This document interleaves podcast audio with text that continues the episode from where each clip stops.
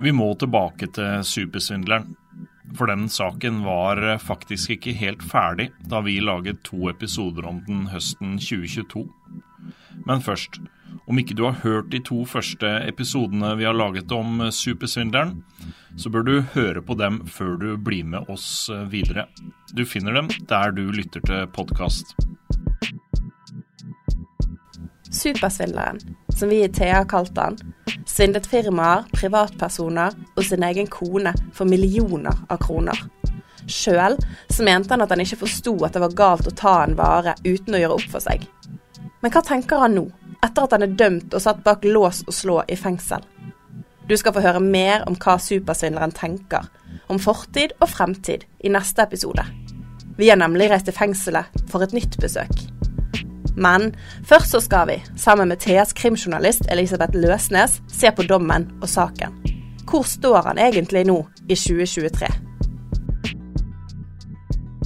Du hører på Thea Dokumentar, Supersvindleren, Livet etter dommen, episode to av to. Vi som lager Thea Dokumentar, er Erik Edvardsen. Og Juni Vendelin Fasting. Det nærmer seg ett år siden vi besøkte supersvindleren i Skien fengsel. Da satt han i varetekt, tiltalt for å ha svindlet til seg rundt 22 millioner kroner.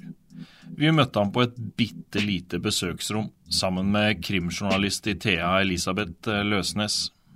Og når man husker tilbake der, så, så husker vi en 35-åring som Han virket veldig usikker, nesten litt sånn nervøs. Han satt helt på kanten av en sånn mørk skinnsofa på et bitte lite besøksrom i Skien fengsel. Han hadde på seg en mørkeblå dongeribukse og en tynn, hvit bomullsgenser. Og så hadde han på seg et par brune boots. Og den gangen så uh, sa han uh, til oss, uh, når, liksom på spørsmålene om at, hva han tenker om at han blir kalt en svindler, så sa han dette. Jeg har ikke noe begrep på det svindler. Og i mitt hode så har ikke jeg vært svindler. Det er eh, Jeg har vært, vært sånn eh, hele livet. Så ja, jeg har ikke prøvd å svindle med, med vilje, å si det sånn. Vi stussa på det han sa. Er det virkelig mulig å svindle så mange for så store summer uten å forstå selv at det man gjør er galt? Dette sa supersvindleren om sin egen opptreden da vi intervjuet ham i fengselet. I henhold til så har jeg tatt mange tester og den biten der, da. IQ og den biten der, så jeg har liksom skjønt hva jeg er, da. Altså IQ på 100, det er normalt for vanlige folk. Mm. Er du under 70, så er du psykisk utviklingshemma. Okay. Jeg er 55. Og jeg trodde at jeg var um, oppå Menstad-stadiet, jeg, da. Du trodde du hadde høy intelligens? Jeg trodde jeg hadde høy intelligens, ja. Men som psykologen eh, sa at eh, du tror du er smart, men du er ikke smart. Mm. Sa rett ut. Og vi skal snakke mer med supersvindleren om både rettspsykiatriske undersøkelser og diagnoser i neste episode. 36-åringen har mye å fortelle. Som jeg nevnte litt i sted, så var det sånn at denne svindleren sa at han ikke visste at det ikke er lov til å kjøpe ting eller tjenester uten å betale for det. Han fortalte videre til oss da om en turbulent oppvekst, og han prøvde å forklare oss hvordan han har blitt sånn som han påstår at han har blitt. Vi lyttet jo til det han sa, men samtidig så var det jo noe som skurret. Vi ventet i spenning på rettssaken i tingretten. 1.6.2022 så var saken i gang. Du har hørt litt om hvordan det var i tingretten i episode to av Supersvindleren. Og vi skal snart la krimjournalist Elisabeth eh, Løsnes snakke mer om hvordan det var i retten. Men først litt mer om saken. Tiltalen den inneholdt jo hele da 47 tiltaleposter, og beskrev en mann som har lurt firmaer, banker, kredittinstitusjoner og privatpersoner trill rundt. Blant annet så gjorde han det ved å legge frem falske, oppblåste inntektsgrunnlag for sin kone, som hevder at hun ikke ante noe om hva ektemannen drev med. Ved å benytte konens bank-ID så skal han ha lurt til seg over ni millioner kroner. I tillegg så eh, sto det da i tiltalen at han hadde lagt frem en falsk husleiekontrakt, en falsk barnebidragsavtale og falske fakturaer for å få lån på falske premisser. I tillegg så opprettet han en masse firmaer som han stadig endret navn på, Og det gikk jo konkurs etter hvert som de ble opprettet, omtrent. Tiltalen de fortalte også at han satte opp sin kone som styreleder i flere av disse selskapene, uten at hun skal ha visst noe om det. I tillegg så overførte han penger fra firmaene til sine egne private kontoer, som han blant annet brukte på å delfinansiere et privat huskjøp. I tillegg så brukte han firmakort fra disse firmaene sine, da, som om de var hans private bankkort.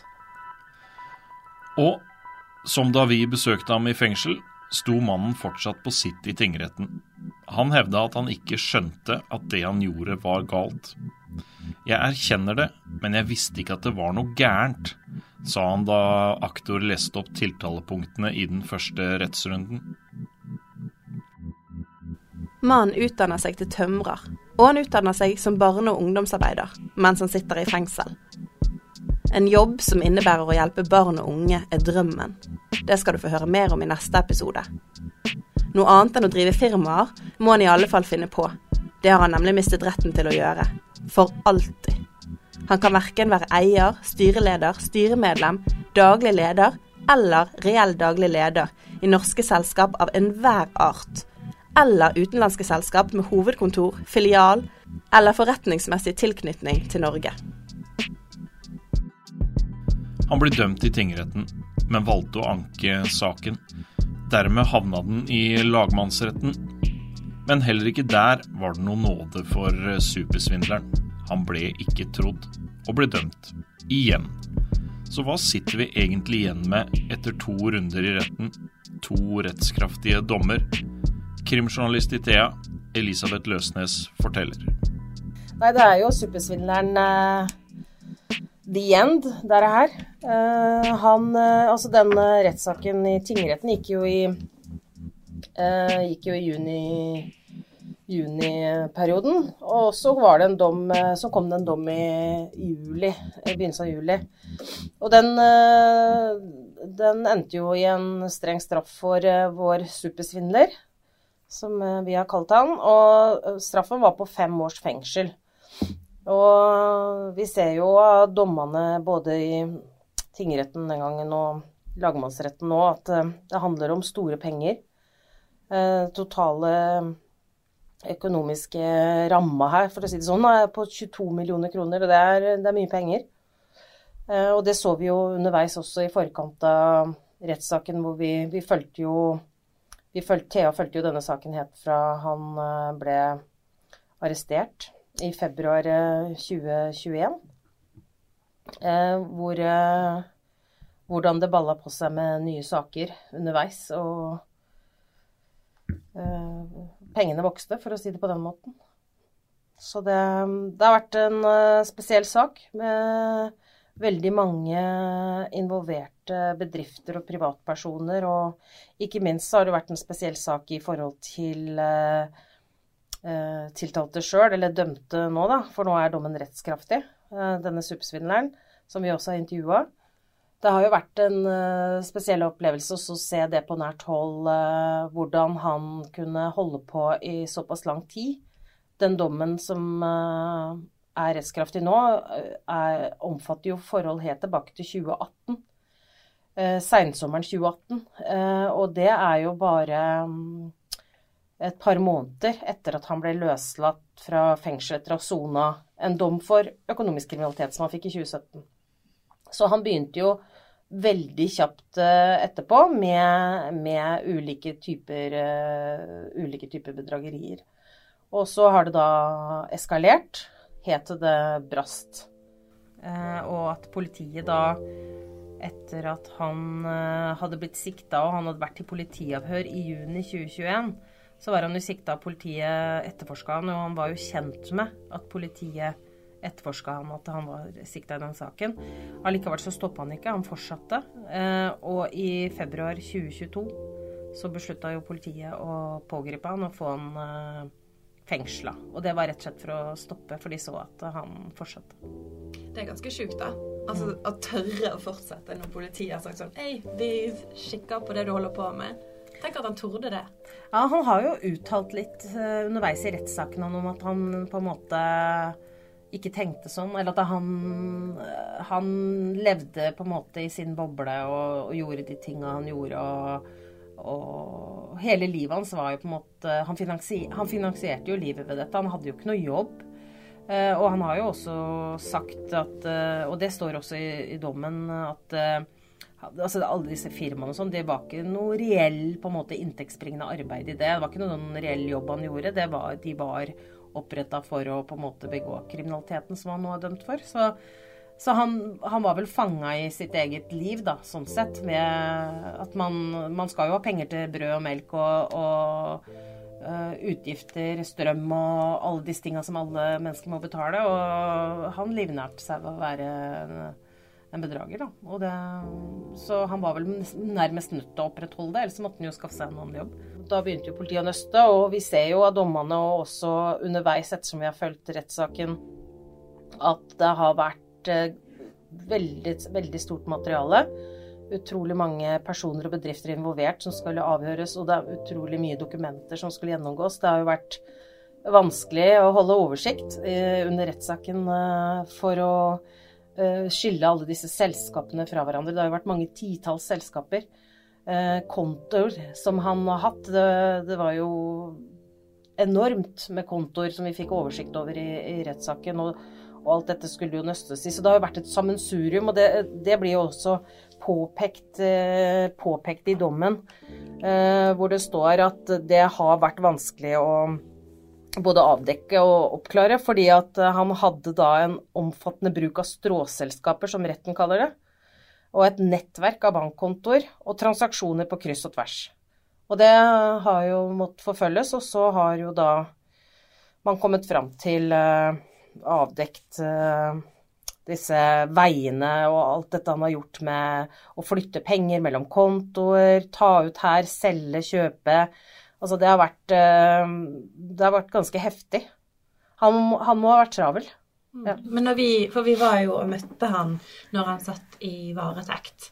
Og da fremsto han jo liksom innesluttet. Han sa at han ikke skjønte hva at ting var galt. Alt det der som, som vi har snakket om i, i, tidligere episoder. Hvordan var han i retten? Ja, han, eh, han fortsatte jo i det løpet. altså Thea var jo i, i fengsel og intervjua han, og da var han jo ganske stille og rolig. På det tidspunktet så ga jo han uttrykk til vårs for at han hadde vært gjennom en sånn rettspsykiatrisk undersøkelse, og at den hadde konkludert med at han hadde lav IQ. Han mente jo at det kunne forklare mye av hans oppførsel opp igjennom og, og sånn. Og så viste det seg jo at det var Det, det stemte. Vi fikk jo uh, høre det her at uh, denne undersøkelsen han hadde konkludert med at han var mindre begava, og at uh, mangelfulle evner. At uh, han på en måte Han sa jo bl.a. Uh, både til oss og i retten at han på en måte ikke skjønte at det var gærent å på en måte kjøpe noe uten å gjøre opp for seg. Så viste det seg under rettssaken at han f.eks. hadde vært assisterende i en Kiwi-forretning, og at han hadde øh, holdt, holdt, i hele butikken i ukevis mens, øh, mens, butikksjefen var på ferie. Så han visste jo i hvert fall at kundene måtte betale for seg. Så han hadde i hvert fall den uh, den oppfatninga den gangen. Så, men han, han fremsto jo under rettssaken som veldig jeg vil si, stakkato og stille, lavmælt.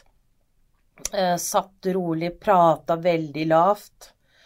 Eh, og det sto jo en, i kontrast til eh, når vitner kom og fortalte om eh, en helt vanlig oppgående mann som de ikke fatta mistanke til, som var eh, ja, sjarmerende nok til å på en måte kunne kjøre av gårde med bobil uten å gjøre opp for seg, prate. Eh, han var en vanlig fyr, da, som eh, ikke man, altså alarm, Alarmklokken gikk ikke hos folk. Og mm, det var jo annen, et annet vitne som uttalte, og som Thea også laga sak på, at han kunne skjønne at han hadde klart å svindle så mange, for det måten han fremsto på, var tillitsvekkende, da. Og, og, det står jo litt i kontrast med den uh, figuren vi så i, under rettssaken. For da, da opptrådte den jo på en annen måte. Uh, så vi, uh, vi, har jo ikke møtt den i vigør, for å si det sånn. kan bare referere fra det vi har observert i retten. Men, men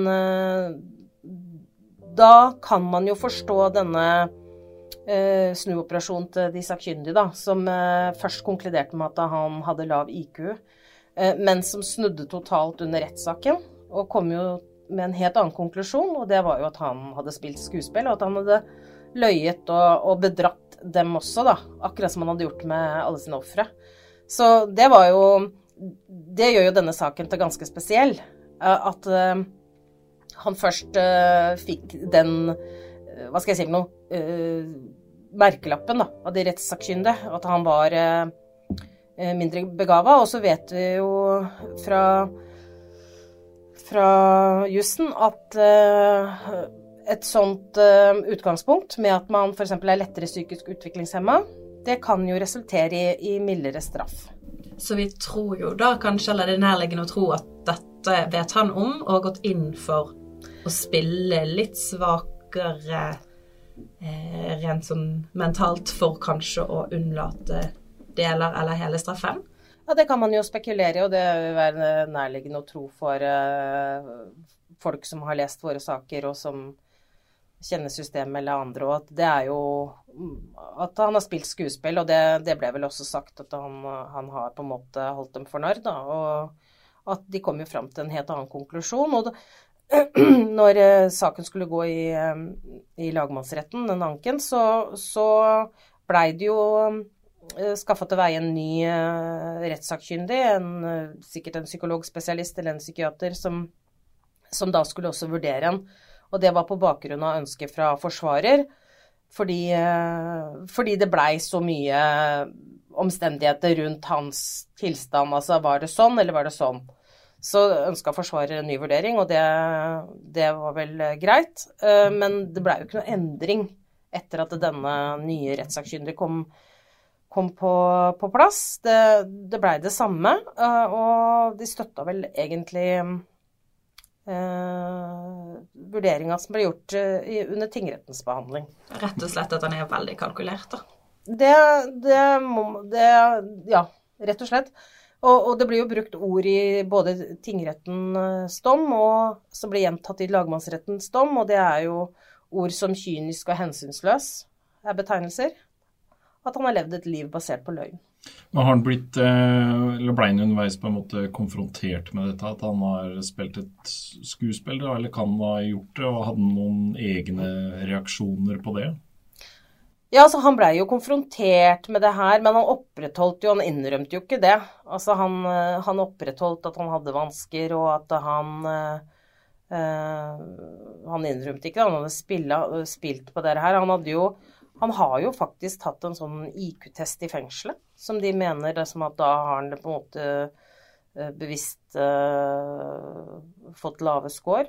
Uh, så det Nei, han, han, innrømte ikke det at han hadde spilt noe skuespill, han. Dommen i tingretten, da, den er jo ganske streng, er den ikke det? Ja, jeg syns den er streng, men vi ser jo det i noen andre økonomiske saker òg, hvor det er Uh, store penger og, og, og, alvorlig kriminalitet. Og vi vet jo også at økonomisk kriminalitet straffes hardt.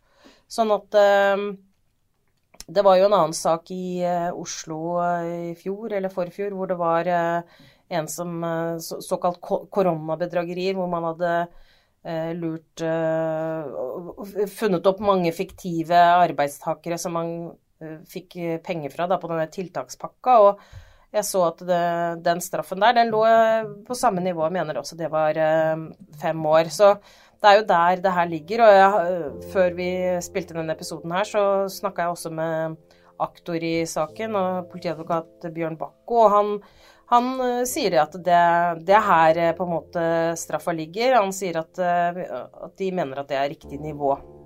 Så det, det blei også straffen. Den sto seg. Det, anken blei jo avvist i lagmannsretten, og, og, og, straffen sto seg. Og som sagt tidligere, han anka ikke skyldspørsmålet. Han anka kun straffeutmålinga.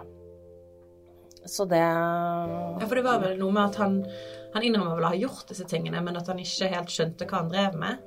Ja, han innrømte jo det, og han var jo opptatt av kona si, som han har, er på en måte hovedofferet her, egentlig.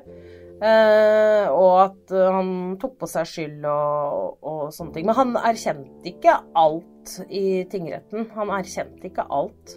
Han erkjente veldig mye. Eh, så um, det er jo varsla at det vil komme en, eh, en sånn um, erstatningssak i kjølvannet av denne saken fra kona, for hun har jo blitt sittende igjen med store tap. Og er vel uh, økonomisk ruinert på bakgrunn av dette her. Altså, hun var uh, inntatt om uh, at mannen hennes drev, levde et dobbeltliv. Så, så, det vil jo komme, komme en erstatningssak seinere. Du sier konen de er separert nå?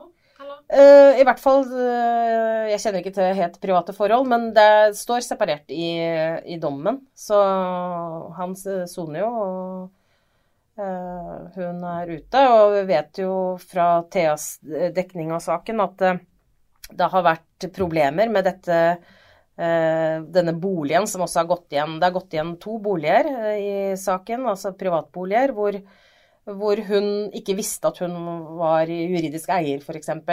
Og han, det her er jo store krav om erstatning i saken, og, og denne boligen skulle jo egentlig selges på tvangssalg, men og blei det vel for så vidt også, men det har jo blitt da problemer med å få det gjennomført. Fordi hun mener jo at ikke hun er eier av, av boligen. Eh, men juridisk sett så er hun det, for det navnet hennes står der. Men han har jo overført eh, Utgitt seg for å være henne, med hennes bank-ID, og brukt henne eh, til å uh, ta opp lån og, og, til å finansiere dette her. Og, og satt boligen i hennes navn uten hennes kunnskap.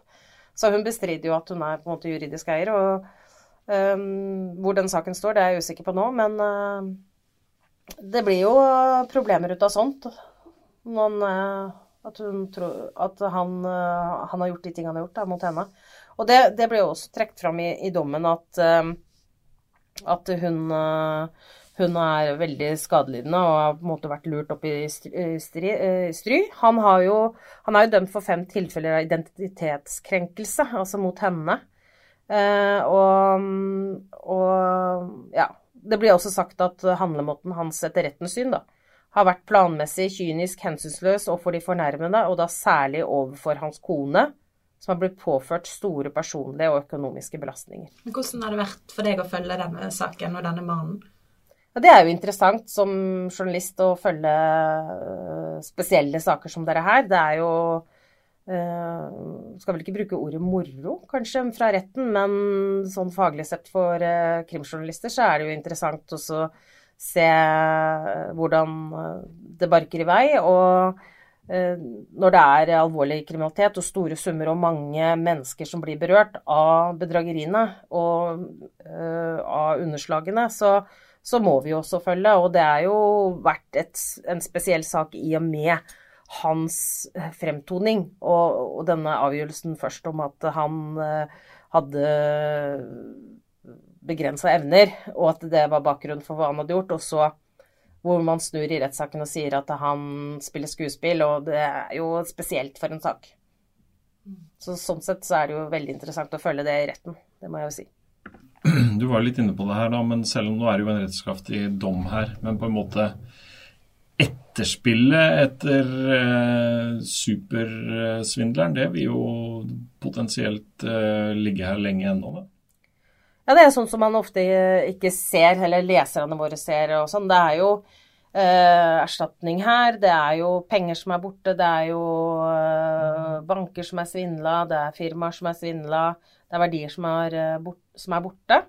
Så det er jo erstatningskrav her, og det er jo også i dommen, og det er jo Eh, som jeg nevnte, kona, da, som eh, har en sak, eh, har en sak her.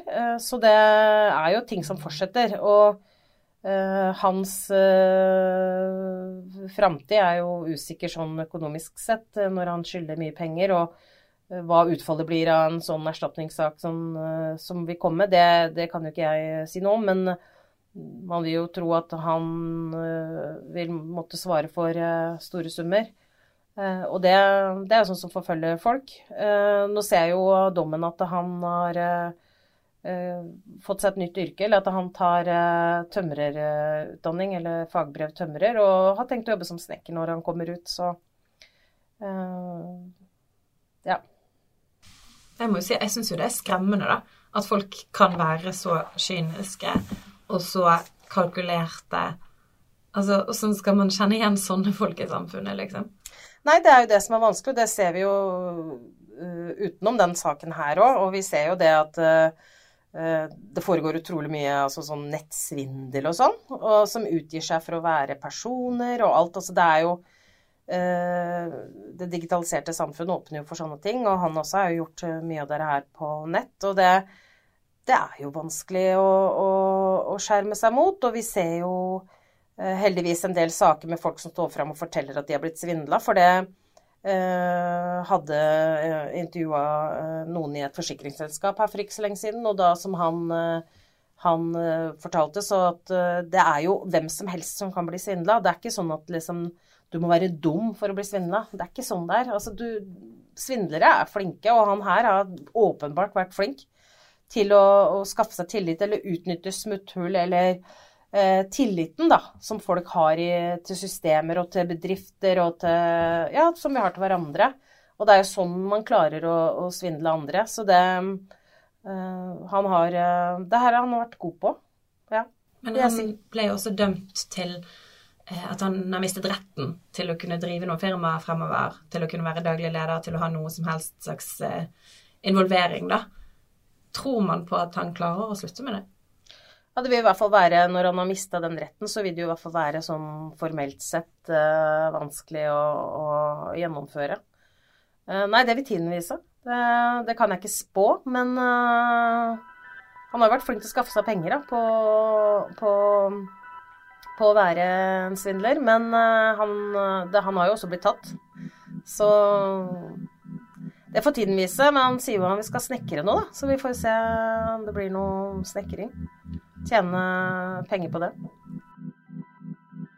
Du har hørt uh, Thea dokumentar 'Supersvindleren livet etter dommen', episode to av to. Vi som lager Thea dokumentar, er Erik Edvardsen. Og Juni Vennelin Festing. Musikken er laget av Simon Tekeste. Ansvarlig redaktør er Ove Meldingen. Har du tips til andre podkaster vi burde lage? Send en e-post til dokumentar.krøllalfa.thea.no. I neste episode drar vi tilbake til Skien fengsel og møter 36-åringen. Hvordan ser han på dommen, og hva skal han gjøre med livet sitt nå? Har du et enkeltpersonforetak eller en liten bedrift? Da er du sikkert lei av å høre meg snakke om hvor enkelt det er med kvitteringer og bilag i fiken, så vi eh, gir oss her, vi. Fordi vi liker enkelt. Fiken superenkelt regnskap.